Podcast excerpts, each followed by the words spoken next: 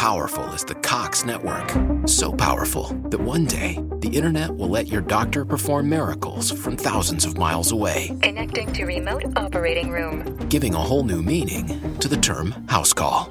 Operation complete. The Cox network. With gig speeds everywhere, it's internet built for tomorrow, today. Cox, bringing us closer. In Cox serviceable areas, speeds vary and are not guaranteed. Cox terms apply, other restrictions may apply.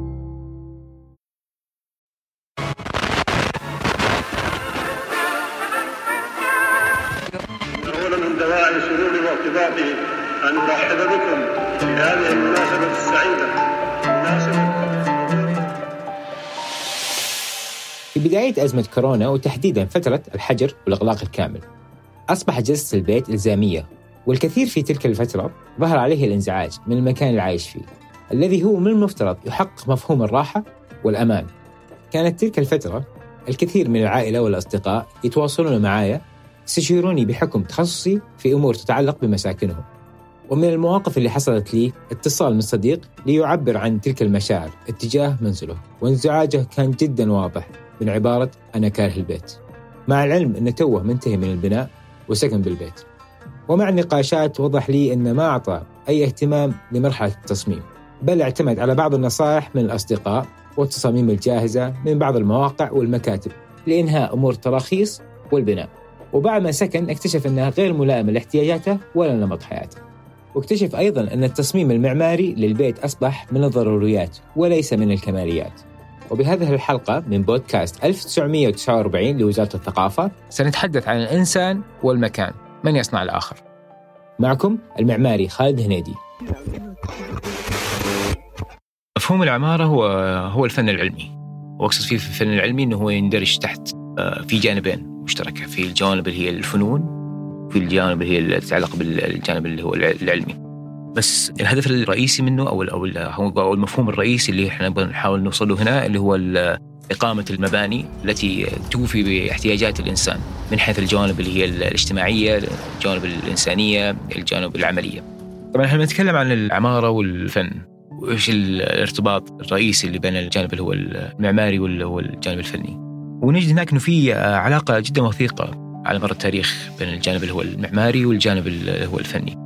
خاصة أنه كان الجانب المعماري هو من وجهة نظرنا هو الإرث الوحيد اللي انتقل عبر التاريخ من حيث يعكس لنا مفاهيم لهذا المجتمع كيف كانوا عايشين كيف كانوا يتنقلوا في مدنهم. وفي نفس الشيء على أجزاء من هذا الجانب العماري شفنا الفن شفنا القصص وشفنا الكتابات على هذه المباني اللي تحكي حقبات زمنية معينة رسائل توضح الفترات هذه إيش الأشياء اللي كانت تغلب عليها. وهذا خلانا نقدر نفهم أكثر ليش الفراغات هذه تكونت.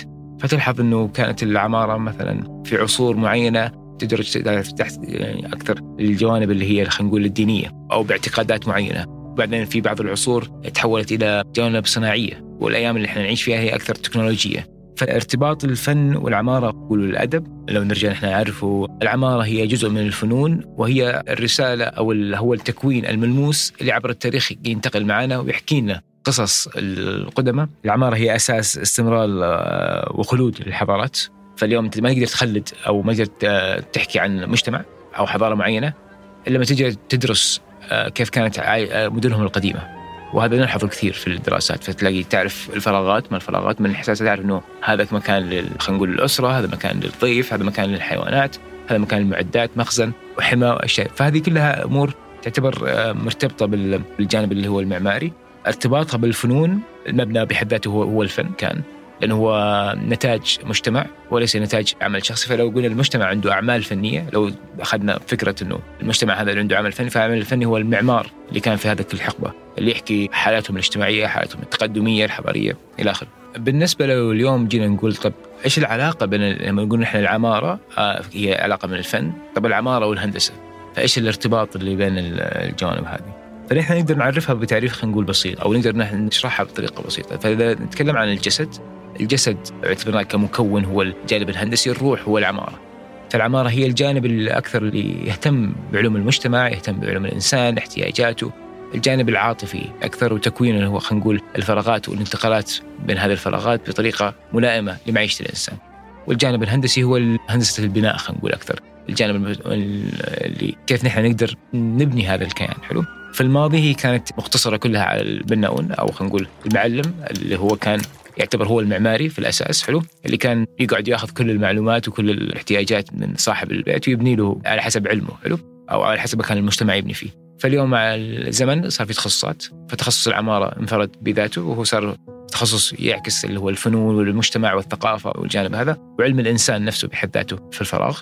فالجانب الهندسي هو جانب آه، هندسة البناء من حيث الإنشاء والكهرباء والميكانيكال كلها مكملات لبعض ولكن هناك في مؤثرات على الجانب المعماري. من وجهة نظري هي مؤثرات كمان رئيسية الواحد لازم ما يغفل عنها. ممكن نحن نختصرها ب- بقسمين رئيسيين اللي هو طرف بيئي طبيعي ما نقدر نغير فيه شيء وفي الجانب الثاني هو العوامل البشرية نفسها.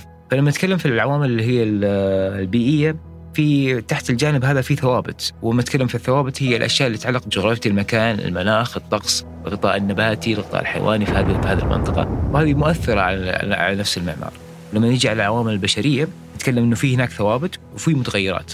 لما نتكلم الثوابت دائما في المجتمعات في ثوابت اللي هي الثوابت الدينية والأحكام اللي هي الشرعية لهذه لهذه المنطقة أو المرجعية الدينية لهذه المنطقة وبرضه العادات والتقاليد والمجتمع. فهذه تعتبر ثوابت آه، من الصعب المجتمع يغيرها. أما المتغيرات هي أمور يمكن سياسية طرأت على المجتمع في حقبة زمنية معينة مؤثرات تقنية أو آه، في البناء فكل ما يتطور تقنية البناء شفنا الأبراج قاعد تطلع فهذا مؤثرات تقنية فعليا وفي مؤثرات أمنية وسياسية. فجأة هذه الدولة طلعت من حرب فهي في مرحلة بناء تبغى توفر مساكن بسرعة معينة فتلاقيها استخدمت أسرع طرق البناء وأسرع طرق التخطيط. فهذه المؤثرات لازم توضع في الاعتبار. أهلا السلام عليكم. آه اسمي أحمد سامي عنقاوي. سعيد جدا أكون معكم في الحوار لإثراء فنون العمارة. العمارة بشكل عام مرتبطة آه كثير جدا بالفنون بحيث إن آه، دائما داخلها وفي خارجها ترتبط فيها كثير من الأعمال ال- سواء الحرفية وأعمال الفنية داخل مبنى وخارج المبنى. العمارة فن مو فقط بصري يعني. العمارة في المعنى وفي المبنى. يجب المعنى يرتبط بالمبنى ويجب المبنى يرتبط بالمعنى وهو من الأشياء الأساسية في ثقافتنا وحتى في التراث بشكل عام. المعماري يعني تخصص دارس القواعد الأساسية في البناء، دارس آه، الإنشاء، دارس آه، حتى النسب اللي تستخدم في المساحات حتى تدي الطابع المقصود آه، للشخص اللي هو عايش فيه. صحيح إنه في تعبير إنه كل شخص في فنان داخله أو في شخص له الشغف إنه يبني أو يعمل شيء بس طبعا آه، زي ما أنتم عارفين لازم في تخصص والتخصص هذا يدرس القواعد الأساسية للإنشاء وغيره. فالمهندس المعماري أو المعماري يعني دائما ينظر النظرة الشمولية لكيف عملية تحويل هذا الحلم والحس إلى منتج إلى بناء يناسب الشخص المستخدم. طبعا وفي مهندسين انشائيين والمهندسين اللي هم المتعلقين بالهندسة الداخلية وغيرها من هذه الشبكة اللي تكون دائما مرتبطة بالمكتب الهندسي أو المعماري. بس المعماري هو يقدر يحول الرؤية للقاصد أو للزبون إلى منتج. طبعا يكون عنده تراكم خبرة في التعامل مع منفذين ومع مقاولين والخامات المستخدمة ووفرتها في مقولة آه، إذا صح التعبير عنها للشيخ المعماريين حسن فتحي. كان يقول أنا المعماري الفقير وأنا المعماري الأمير على حسب القاصد. فممكن يصمم عمارة تكون معمولة لشخص آه، في طبقة مجتمعة وعنده ميزانية معينة آه، في البناء. وممكن الشخص اللي عنده احتياجات معينة مساحات إنه ممكن يبني قصر أو أو أو أو, أو, أو مكتبة أو ما شاء. فالمهم جدا طبعا الشخص اللي هو حيسكن في المكان أو المستخدم المساحة نفسها يقدر المعماري يفهم المتطلبات المحتاجة لهذا الشخص الميزانية المحتاجة لهذا الشخص. ويبدأ على أساسها آه، يصمم ويعمل شيء يكون يناسب اولا الطبيعة كمان لأن إحنا الآن عايشين في وضع يعني واحد يحاول بقدر الإمكان إنه ما يأثر أو ما يسيب أثر يعكس بشكل سلبي على على المساحة اللي هو فيها أو الطبيعة اللي هو فيها. كثير الآن حتى بيتواصلوا على مفهوم ما تأثر على التلوث ال- الطبيعي والتلوث ال- البصري طبعا على حسب كيف ممكن يستخدم العمارة في الناتج النهائي وكيف تدي نمط للمدينة نفسها. فنحن اليوم لما ناخذ آه، لو نحن نرجع آه، أو خلينا نقول بالنسبة للمفاهيم أو الثوابت اللي كنا نتكلم عنها اللي هي المتعلقه بالمؤثرات المعمارية نرجع نعكسها على المملكة هنا. فبنشوف إيش تأثيراتها. فحنلاقي عندنا إحنا طبعا التنوع الطبوغرافي اللي موجود في المملكة؟ عندنا اللي هي الصحاري في المنطقة الوسطى عندنا ال- والهضاب عندنا ال- الجبال في منطقه الجنوب والشمال. فكل خلينا نقول العوامل اللي هي الطبيعية اللي ذكرناها موجودة. آه وبرضه نفس الشيء اللي هي تعتبر في والعوامل اللي هي خلينا نقول الإنسانية. فبالنسبة لنا في المملكة كيف المؤثرات هذه أثرت؟ فحنلاحظ إنه مثلا كانت الحياة في في المنطقة الوسطى هي حياة في جزء منها يعتبر تنقل اللي عاشوا الصحراء كانوا متنقلين فكان عندهم الخيام وكانت هي مناسبة لعيشهم يتنقلوا حول مصادر خلينا نقول العيش اللي هي الماء كانت في هذاك ال- الزمن. وفي اللي سكنوا المدن زي مثلا تكلمنا سكنوا الهضاب زي تكلم مدينة مثلا الدرعية. اللي هم بنوا مساكن أو استقروا في منطقة فأثرت عليهم المؤثرات اللي هي من آه، فأثرت عليهم في المؤثرات الطبيعية كانت استخدام خلينا نقول نفس المواد اللي هناك طبيعة الجو في نجد وتكوينات الممرات اللي هي ضيقه بناء بالمواد الم- الأماكن الفراغات هذه أكثر ملائمة للعيش وحنلقى هذه نفس التجربة أو نفس التكوين هذا في أغلب المدن اللي هي اللي على نفس الجانب اللي هو الطبيعي أو الجانب أو المؤثرات الطبيعية في حول العالم. بس لما نتكلم عن الجانب الاجتماعي نجي نعكسها على الدرية فهي مختلفة عن كل المدن اللي بنت بنفس المواد التكنيك أو خلينا نقول فيها نفس العوامل اللي هي الطبيعية. فهذا التداخل المجتمع حلو فتلقى في اختلافات في من حيث اللي هي تقسيمات وفكرة البطن الحوي اللي هو مفتوح على المبنى من الداخل وكيف ارتباط المباني مع بعض وكيف إنه فكرة اللي هو السوق والممر هو نقطة الالتقاء بين كل خلينا نقول عائلة وعائلة في هذه في هذه الاحياء. فنحن نجي نتكلم عن المؤثرات اللي هي خلينا نقول الطبيعية اللي ونعطي مثال آه، هنا في نجد تحديدا في الدرعية وكيف إنه هم بنوا بالطين وكيف كانت تكوينة آه، خلينا نقول سبب استخدام الم- المادة هذه هي هي المتوفرة في- المكان وهي برضو كعوامل طبيعية تحقق كفاءة اللي هي العزل من الحرارة والشمس وهذا وبرضه ترتبط آه، هذا تتكلم عن الأشياء- الجوانب اللي هي الطبيعية. بس في ارتباط برضه اللي هو ثقافي في المكان آه، أو الجانب اللي هو الاجتماعي للمكان فالاجتماعي هو ينعكس على التقسيمات فراغات. فلما نتكلم عن فكرة البطن الحوي في المباني في الدرعية مختلفة لو جينا بنقارنها مثلا بالرياض آه، في المغرب أو فكرة اللي هو يسموها مباني أو المنطقة المفتوحة في نص داخل البيت. ففيها اختلاف هناك من حيث الارتفاعات ومن حيث اللي هي الفانكشن في نجد آه، نتكلم هنا أو في الدرية تحديدا كانت المباني متلاصقة مع بعض وماشية بتدرجات معينة لتحجب خلينا نقول الشمس من وصولها الممرات هذه وتسمح للهواء تيارات الهواء إنها تتحرك في هذه الممرات. حتلاحظ برضو في نجد آه، كانت ال- العمارة تميل للبساطة واتكلم بالبساطة بعدم خلينا نقول الجانب اللي هو الترف في نفس المعمار والتزيين والتشكيلات، أما في يمكن في المغرب تلاقيها اهتموا بتلوين المباني وبزخرفتها وتداخل الثقافات فحتلقى بعض الأشياء اللي هي ممكن أصلها ما هي موجودة هناك بس أضيفت على العماره في المنطقة هذيك.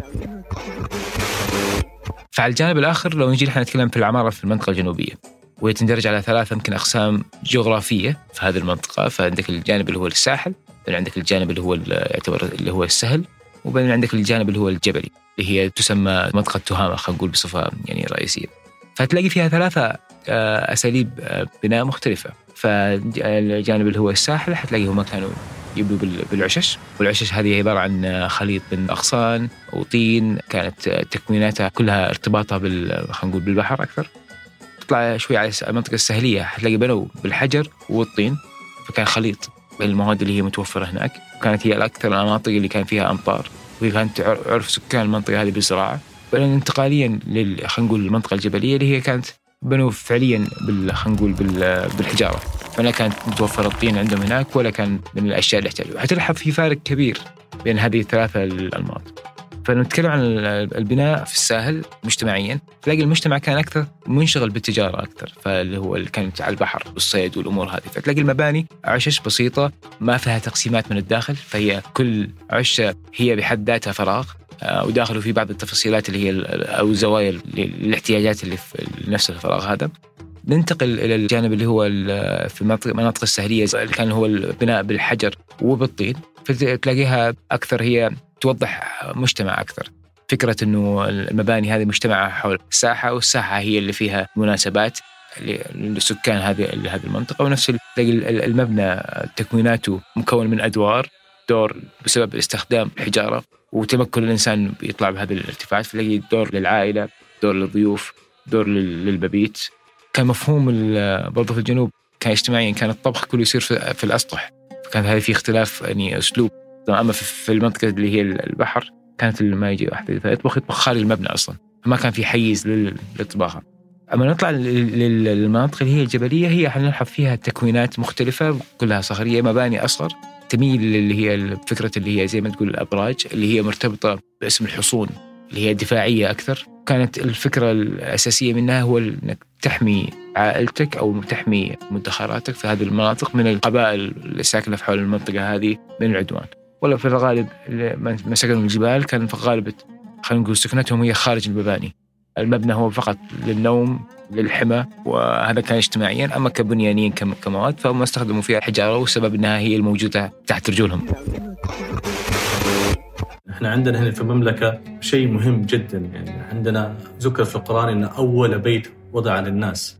غير المفهوم إذا كان هو أول بيت سكن فيه الإنسان ولا أول بيت يعبد فيه الله سبحانه وتعالى أنه لا, لا خلاف أنه هو أول بيت وضع للناس. وهذا أول بناء وكيف كان شكله وكيف كان جزء منه كان أيام سيدنا إبراهيم حتى العريش وذكر في كثير من الكتب القديمة سواء الأزرق. ذكر كثير كيف كان البناء في العهد في ذاك الوقت. والمملكة العربية السعودية طبعا فيها أنماط مختلفة على على مر السنين وعلى مر الأجيال. وكثير منها أكيد تأثرت آه، أولا بالموقع الجغرافي حقها. وإيش المواد المفرطة في البيوت الطينية في البيوت الحجرية في آه، البيوت اللي هي موجودة بالقش أو, أو بالأخشاب وغيره. ففي أنماط مختلفة وتطورت على حسب طبعا اتجاهات سواء طريق الحج أو طريق الحرير أو حتى تواصل الناس مع بعضها في استقطاب بعض المواد الخارجية والتفاعل الثقافي اللي صار في ذاك الوقت. يعني لو عندي مثل يمكن في جدة التاريخية بحكم أنا في جدة يعني كان من أول بيت البيوت اللي بنت البيوت السمنتية كانت في بداية عند البوابة الجديدة. وكان البيت يعني أول دخول لهذه الخامة السمنت وتبنى منها بيت موجود إنه معروف إن هذا اول بيت سمنتي وكان في ذيك الفترة طبعا وفرت هذه الخامة الموجودة ودخولها للمكان. وبعدها تطورت وصارت فيها الأحياء الجديدة اللي هي مبنية البيوت السمنتية الجديدة وبالطرق اللي هي المدن كيف تقسمت كيف صارت مناطق. كثير منها توجهوا وسابوا البيوت التاريخية لبيوت متطورة في الخامات حتى إنه ما يكون فيها دخول الغبرة أو أو الراحة الشخصية في المساحة. وبرضه لكل شخص كان وجود السيارة وغيرها فكان يخطط وتتعمل الأحياء على هذا على هذا الأساس. وبعدها تطورت طبعا. لو تلاحظ حتى البيوت اللي بدأ فيها تدخل البيوت القزازية وارتفاع المباني بوفرة الحديد وكيف عملية الإبداع في في التشكيل لهذه الخامة حتى ممكن يكون ناطحات سحاب.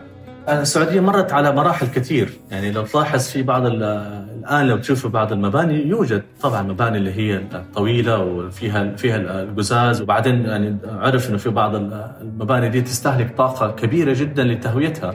غير إنها دائما فيها مصدر على القزاز والقزاز يعني له دور أساسي في إنه يكون المبنى يكون له تمبرتشر أو يكون له حرارة معينة. بس يعني طبعا زي ما أي مجتمع عمل وطور على حسب الخامات الموجودة عالميا وكيف انتقالها للمملكة تم البناء على هذا الأساس. الآن حتى تدرس خامات جديدة بتوصل عندنا وندرسها ونشوفها كيف ممكن البناء بها يفيد هل هذه خامات لها مثلا جانب اقتصادي يكون سهل البناء بها ما يسمى ب prefabricated buildings يعني هذه حالة موجودة في أماكن كثيرة. غير إنه هذا شيء جمالي أو غيره بس إنه حالة موجودة بتستخدم. وفي تطور لها يعني في كثير من الأشياء الواجهات الآن تتعمل بنمط والشيء جميل الوعي الآن اللي حاسينه الوعي الثقافي والتراثي في رجوع شوي للأساسيات حتى كيف ممكن ننطلق بها كثير من الأشياء كانت صعبة الواحد إنه يبني بها من خامات بس بتوازنها مع خامات أخرى ممكن يطلع بناتج يوزن بين النمطين أو بين الحالتين حتى انت الطابع النهائي للعمارة المحلية. فلما ننتقل على نتكلم عن العمارة في المنطقة الغربية اللي هي برضو لها اتصال بالمنطقة اللي فيها جانب كبير منها ساحلي. ونتكلم هنا الساحل وتأثيره برضو على أو المناخ تحديدا وتأثيره على نفس المباني. في المنطقة الغربية تعتبر هي منطقة أجواءها كحرارة هي قريبة من نجد بس الفارق بين أنه نجد هي الجفاف غربية هي فيها نسبة الرطوبة أعلى فتلاحظ هنا الفارق المناخي والتكوين ما نتكلم كنفس المباني كتكوين. فالعمارة تحديدا في نتكلم عن جدة كمدينة تعتبر من أقدم المدن هناك. ما ما أبغى أتكلم عن مكة والمدينة لأن هي ارتباطها ديني اساسه دين ومكون اجتمعت عليه المدينة كلها انبنت حول هذا الجوانب. ففي جدة حتلحظ فكرة اللي هي الأحواش والأحواش اللي هي مجموعة مباني وأحيانا تكون هذه المباني كلها التفت أو بنت لعائلة واحدة. وعرفت العائلة بهذا المكان. والحوش هو يعتبر جزء من امتلاك هذه المجموعة العائلة اللي كل عائلة لهم مبنى. فتلاقي مبانيهم هي راحت أكثر أفقية. فكرة اللي هي وقتها تلحظها هناك جدا واضحة اللي هي فكرة اللي هي الرواشين والمشربيات آه، اللي هي كمناخيا تساعد على تحريك الهواء من دخوله من من خلينا نقول أسفل المبنى لطلوعه في المناطق الرطبة أنت تحتاج هذا الشيء كثير. التيار الهواء يتحرك. ومن جانب برضو اجتماعي كانت هي المكان المناسب اللي كانت تقعد فيه آه، ربات البيوت يجتمعوا فيه يحقق لهم الإطلال على على اللي هي المنطقة اللي هي الأحواش اللي كانوا فيها يجلس رجال الحي أو العمدة حق الحي كان يجلس في هذا المكان والأطفال يلعبوا في هذه الساحات. فتلاقي في اتصال بصري بين ربات البيوت من هذه الرواشين من هذه المشربيات اتصال للخارج وتشوف ربة البيت إيش اللي حاصل وهي وهم خلينا نقول ربات البيوت كانوا يجتمعوا أكثر في هذه الأماكن أو هذه الجلسات فحتلاحظ الفارق اللي هناك موجود في فارق اجتماعي وفي برضه فارق كمناخي. نتكلم كمواد البناء فبني هناك بالحجر وبني بالطين لأنها كانت تعتبر متوفرة هناك، الفتحات هي كانت خلينا نقول العنصر الرئيسي المتغير في عماره المنطقة الغربية، اتساعها للهواء تغير البحر وارتباطها وتوجيهها كلها على على البحر من حيث تسهل على دخول الهواء للفراغات هذه. وبرضه فكرة إنه كان المجتمع في في المنطقة تحديدا في مثلا مدينة جدة كان تجاري قائم على تجارة. فتلاقي انه الحواري كانت مقفلة في المساء ومفتوحة في في النهار. فتحس إنه كل الحي السكني هو عبارة عن في عالمنا اليوم هو مجمع آه، يفتح من وقت ويقفل في وقت. لأنه داخل الحي السكني هو السوق هو التجارة هو الاتصالات الدراسة العبادة كلها في منطقة واحدة خلينا نقول محصنة. لو انتقلنا هنا إلى العمارة في الشمال فحنلاحظ فيها تقارب من العماره في نجد. أو التقارب هذا السبب فيه إنه آه، المواد اللي هي المتوفرة للبناء نتكلم هنا العوامل الطبوغرافيه ففيها الجانب اللي هو الصحراء الهضاب فتلاقيهم بنوا بنفس التكنيك في أغلب خلينا نقول البيوت اللي عبر التاريخ اللي هو استخدام الطين والحجارة في بناء هذه بس اللي هو الفارق اللي كان موجود هنا كان أكثر الفارق في نفس التكوينات اللي هي من حيث الفراغات فتلاقي في العمارة في الشمال في الأحواش فكرة الأحواش اللي هي نفس الفكرة اللي كانت موجودة في العمارة الغربية. آه، فحتلقى فيها الأحواش آه، حتلقى المباني من الداخل فيها فكرة إنه أجنحة أكثر من هي غرف. ففي الجناح داخل الجناح هذا في تقسيمات. فاللي فرق فيها أكثر يمكن ما هو مواد البناء قد ما هو الجانب اللي هو الاجتماعي. فهو خليط بين العمارة في نجد وخليط بين العمارة في المنطقة الغربية. وفي طبعا الجوانب على مر التاريخ اللي هم كانوا اشتهروا في المناطق هذه زي ما إحنا نعرف اليوم اللي هي زي المناطق اللي في العلا تبوك اللي هو عبر التاريخ بالنحت. فهم كانوا ينحتوا الجبال ويسوون منها مساكن. وهي الفكرة الأساسية لو نرجع مر التاريخ وهو الأكواخ فالإنسان أول ما سكن سكن في تجويفات. بعد زمن استطاع أنه هو يغير في الطبيعة ويكون من الطبيعة هذه مساكن لي. فانتقلنا للمنطقة الشرقية. حنلاحظ إنه هناك آه، فيها أسلوب البناء مختلف عن المنطقة لو أخذناها بالمقارنه بالمنطقة الساحلية اللي في الجنوب. يعني كان في عشش في الساحل. لو نجي نتكلم عن المنطقة اللي هي طبعا نتكلم عن العشش تحديدا في جيزان في المنطقة هذه. لما نتكلم لو اليوم نعطي أمثلة زي في المنطقة الشرقية على مدن مثلا زي الدمام الشرقية الخبر الأماكن المناطق هذه. فنتكلم من هناك لا ما بنوا بالمواد اللي هي الأشجار والأمور هذه لأنه ما كانت متوفر بنوا أكثر بالطين. فرجعوا. يعني يستعمل نفس المواد اللي هي المتوفرة لديهم هناك. ما كان عندهم متوفر الصخور فكانت مبانيهم طينية. بس الاختلاف اللي حصل على هذه المباني إنه نرجع إنه هذه منطقة فيها رطوبة عالية فمناخها مو زي خلينا نقول منطقة نجد. آه، فتلاحظ إنه الفتحات في المباني اللي في المنطقة الشرقية أكبر وتوجيهاتها كلها تتحرك بنفس مفهوم اللي في العمارة اللي هي المنطقة الغربية نحو البحر. لتسمح للهواء اللي جاي من البحر إنه يدخل يتخلخل هذه المباني والأحياء السكنية. لتقليل خلينا نقول إحساس بالرطوبة. فاليوم نحن لو نجي نتكلم نقول إيش ممكن العمارة اليوم تقدم للمجتمع. فلو جينا اليوم نتخيل مدينة مثالية خلينا نقول. هذا الشيء اللي هو كواقع من الصعب أي مدينة في العالم تحت تحقيق. بس نتكلم آه، لما تقول المثالية من وجهة نظر من وجهة نظري الشخصية هي الواقعية. والواقعية تقصد فيها حياة الإنسان اليوم لما تجي تختصرها على يوم كامل من حياته. فيبدأ نقول هذا ينطلق من هو المسكن اللي هو فيه وكيف ارتباطه بالمكان العمل اللي اللي هو يشتغل فيه. وبرضه هذا المسكن كيف قاعد يساهم في رقي جودة المعيشة في المكان. أنا متكلم إنه إحنا اليوم المباني المساكن هذه يعني اليوم واقعية فإنه أنا أقدر اليوم في الاشياء البسيطة إني أقدر أطلع مثلا أمشي على رجولي إني أروح مثلا البقالة أو أروح إني أشتري بعض احتياجاتي أو أروح مثلا المسجد. نروح نحن خليها صعبة هذه كلنا عشناها هنا حسنينا فيها. كان من السابق. مستحيل إنك تروح انت المسجد إنك تمشي على رصيف. تمشي من ضمن الشارع. وأنت تلاقيك وأنت تمشي في الشارع أنت خايف من السيارة يمكن تجي يعني خلينا نقول تصنف فيك. وهذا الشيء اللي أقول هو مو واقعي. فنحن لو رحنا الواقعيه لو كل إنسان وتلقى أي أحد لو تكلمه اليوم تقول له هذه المعلومة حيقول لك صحيح. ويبدأ يمكن يخش معك في نقاش طويل جدا إنه يقول لك إنه هذا الحد. فهي الواقعية. فمن الواقع اللي أنا ما أذهب أو هذه الحركة اللي هي خمس مرات في اليوم للمسجد من الواقع إنه يكون لها طريق مخصص لها. بس تلقى إنه لا الطريق هو اليوم مو موجود هو موجود للشارع.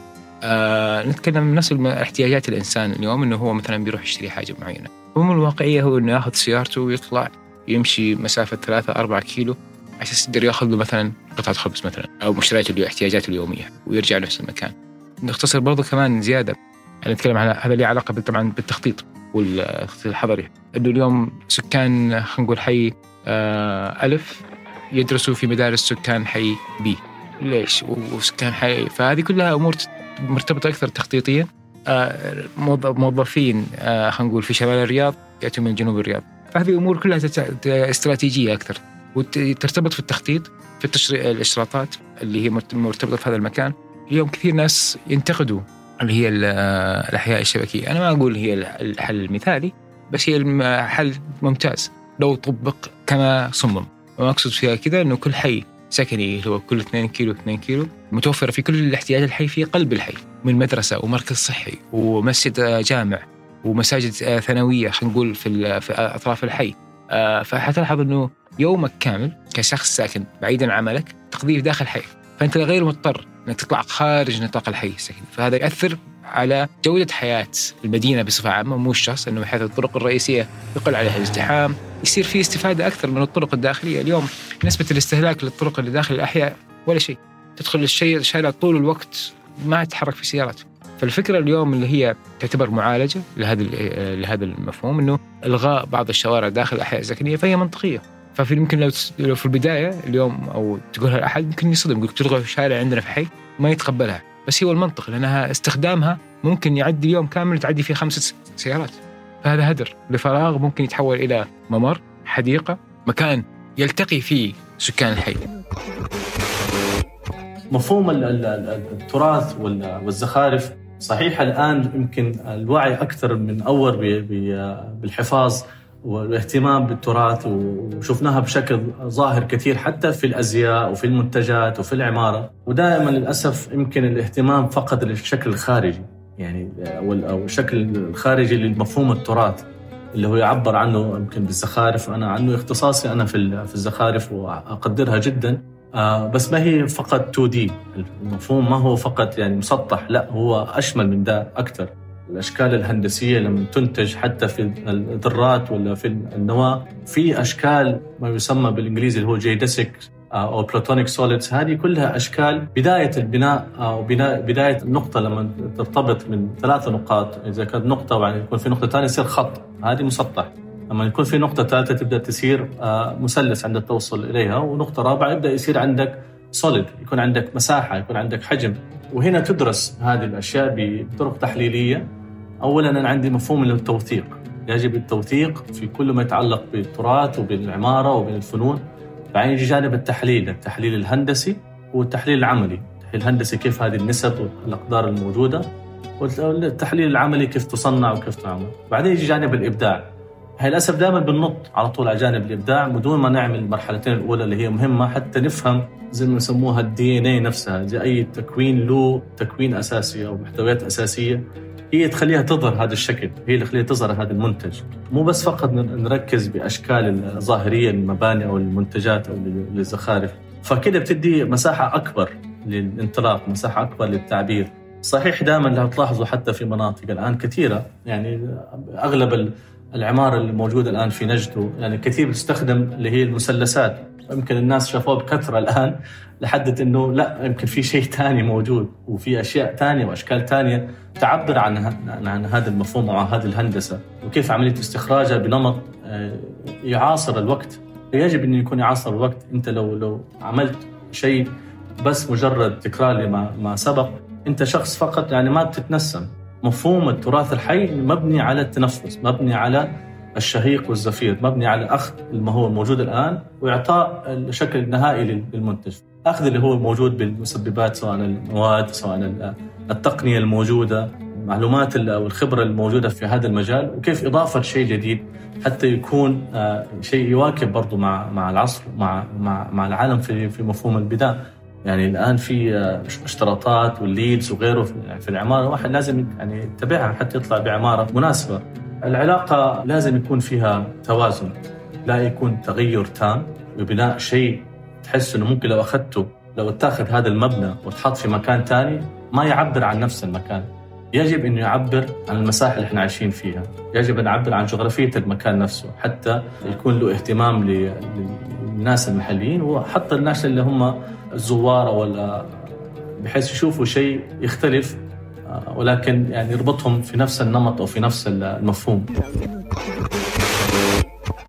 من الجوانب اللي نحن كان نتكلم فيها أكثر اللي يعني ممكن نحن جانب مهم لما نتكلم في جودة الحياة أو ماذا علينا نضيف للمدينة. نحن لازم نؤكد على آه، رفعت نسبة التقاء سكان المدينة أو الأحياء ببعضهم. اليوم نسمعها كثير ودينيا نتكلم فيه إنه آه، الجار وما الجار وهذه أمور نحن عارفينها في كدينا بس نتكلم كمجتمعيا لازم نرفع نسبة التقائهم وأنا أقصد فيها كيف؟ إنه اليوم كثير ناس تسمعهم يقول أنا ساكن في عماره طبعا والله اللي ساكن جنبي ما أعرفه. في شقه حلو. والسبب أسلوب الحياة اللي هو مرتبط من من عمارتك تطلع تركب سيارتك في يمكن في القبو من سيارتك تنتقل تدخل مكتبك. فالرحلة هذه التقائك بالمجتمع معدوم. أنت داخل خلينا نقول خلينا نسميه مكوك. المكوك هذا ينقلك من مكان لمكان تلتقي في ناس ثانيين فما تلتقي في مع مع جيرانك. وهذا يقلل نسبة الأمن في الحي. فإيجادك للممرات الخارجية انه اليوم أنت بدل ما تروح أنت مثلا بقالتك تروحها بالسياره ليش ما تروحها مشي؟ حتلتقي بجارك. حيصير بينكم بعض الحوار حيصير بينكم حتعرف الأشكال الحي اللي ساكنين فيها. حتقل الأمن حيرتفع بنسبة كبيرة. وهذه كانت مبنية من في المدن القديمة ما كان في شرطي كانت هي الأمن يأتي من سكان الحي. فسكان الحي هم يتمنوا بعضهم على بعض في في مبانيهم. فهذه برضو لها نتكلم نحن الجوانب نحن لو ضفنا هذا رفعنا جودة أشياء ثانية الناس كثير يخفوا عنها يحسبوا أنها هي بس فقط شجرة جميلة ورصيف ونمشي في داخله. جميل. الإنسان يقدر يتكيف والإنسان تكيف في الرياض وفي كل في السعودية. على مر التاريخ أنه يمشي يروح المسجد ولا في ولا شجرة وعلى اسفلت أسود في درجة حرارة 50 الإنسان يقدر يعيش. يعني نتكلم عن رفع رفع كفاءة، استغلال الموارد، تقليل نفقات مهدرة من من وجودها وهذه كلها تنصب في, في بالأخير لمجتمع. والمهم في النهاية أن نعرف أن العمارة تعكس الهوية الثقافية والمجتمعية للمكان والإنسان واهتمامنا فيها راح يبرز قيمنا الفكرية واعتزازنا بالموروث العريق. وإهمالنا لها راح ينعكس علينا بشكل سلبي وتصبح أبنيتنا بلا روح. يعني أشبه ما تكون موسيقى بدون صوت.